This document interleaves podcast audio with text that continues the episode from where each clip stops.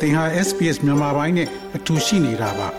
sbs.com.au/burmese မှာပုံမထူးခဲ့တဲ့သတင်းစာမားတွေကိုရှားဖွေပါ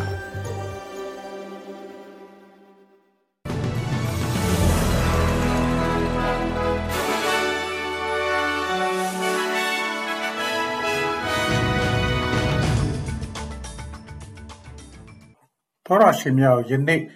ဇန်နဝါရီလ၁ရက်တနင်္လာနေ့အတွက် SBS Newsflash သတင်းထူးများကို တင်ဆက်ပေးမှာဖြစ်ပါတယ်။ကျွန်တော်က Terror အောင်ပါ။ဒီနေ့အတွက်ထိတ်တန့်သတင်းများ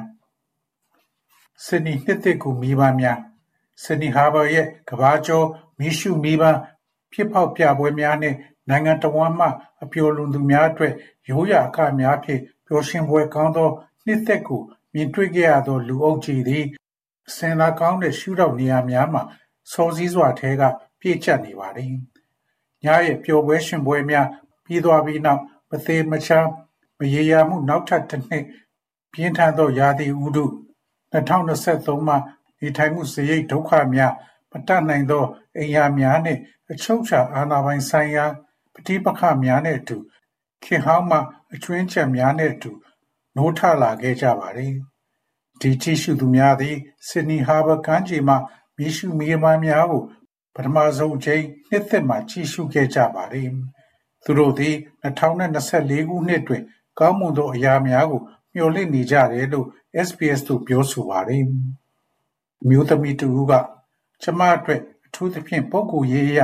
ကျမရဲ့ဆန္ဒဟာ လူတိုင်းပေါ်မှာကျင်နာတတ်ရန် ထောက်ထားစာနာစိတ်ထားကြပါ။သင်က တခြားသူများကိုကျင်နာပါက သင်အား လူများက ပြန်လည်ကျင်နာပါလိမ့်မယ်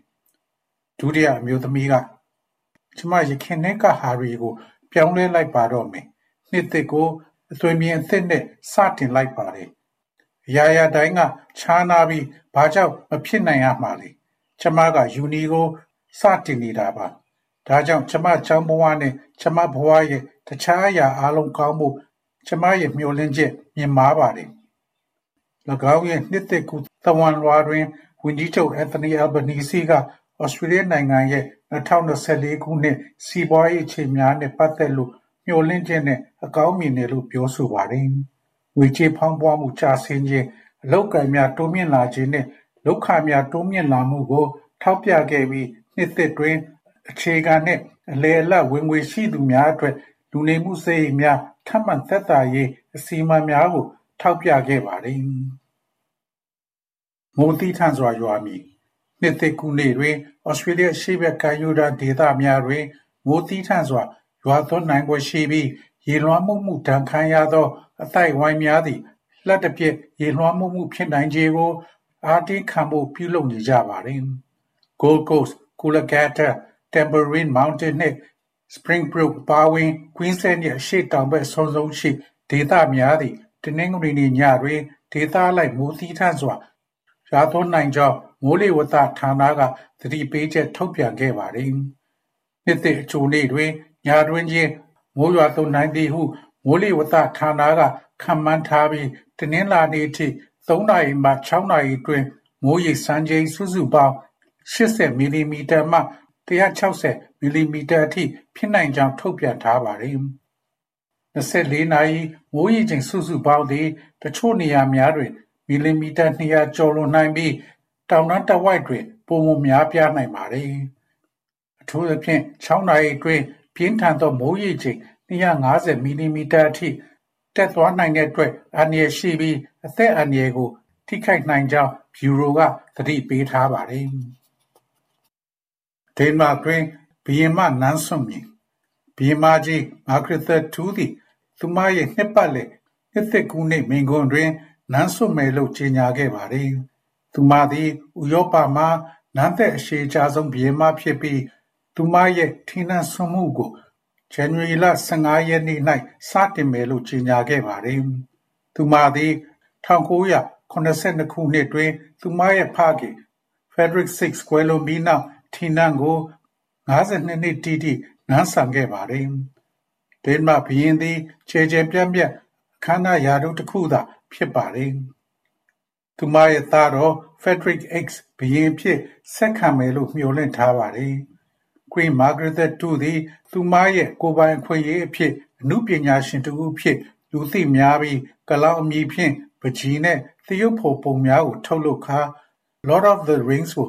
ဒိန်းမတ်ဘာသာသို့ပြန်ခဲ့ခြင်းကြောင့်ကြော်ကြားစွာသရုပ်ဖော်ခဲ့ပါသည်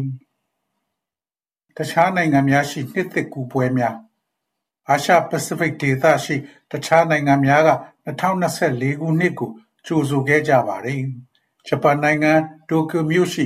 ဇိုဂျီဘုရားကျောင်းရဲ့ ကွင်းပြင်တွင် ဘုန်းကြီးများနှင့် ပြည်သူများသည် နှစ်သစ်တွင် ခေါင်းလောင်းကြီးကို သစ်သားတိုင်နှင့် အလှည့်ကျထုကာ ဆင်နွှဲခဲ့ကြပါသည်။သံဃာအချိန် ခေါင်းလောင်းထိုးခြင်းသည် ဗုဒ္ဓဘာသာဝင်များအတွက် ရှေ့ကျသော အစဉ်အလာတစ်ခုဖြစ်ပြီး လူသားများသည် လောကီဆန္ဒတရား၈ပါးဖြင့် မွေးဖွားလာကာခေါင်းလောင်းတရား၈ချိန်ခေါက်လျင် ယင်းတို့ကို ဖယ်ရှားပစ်မယ်လို့ ယုံကြည်ကြပါတယ်။တိုင်ဝမ်ခရီးသွားအမန်ဒါလီယူကသူမသည်2024ခုနှစ်အတွက် ရှင်းလင်းသော ရည်မှန်းချက်များရှိကြောင်း ပြောဆိုပါတယ်။ကျမ ဒီကိုလာဆူတောင်းရတာ အရန်အေးချမ်းပါတယ်။အဲဒါကြောင့် ဒီကိုလာခဲ့တာပါ။မိသားစု ကျမ်းမာပါစေလို့ဆူတောင်းခဲ့တယ်။ဒုတိယ ကျမလုပ်ငန်း အောင်မြင်မယ်လို့ မျှော်လင့်ပါတယ်။ တတိယကတော့ ငါရဲ့ဆက်ဆံရေးကို အချစ်စစ် အချစ်ဖြစ်တယ် ဖြစ်ရမှာဟု သူမကရေသုံးမိပြောဆိုသွားပါတယ်။နေ့စဉ်သတင်းတို့ newsflash များကိုပုံမကြားသိရန် SPS Language Podcast ကို သွားရောက် နားဆင်ကြည့်ပါ သို့မဟုတ် ဝင်ရောက်ကြည့်ရှုပါ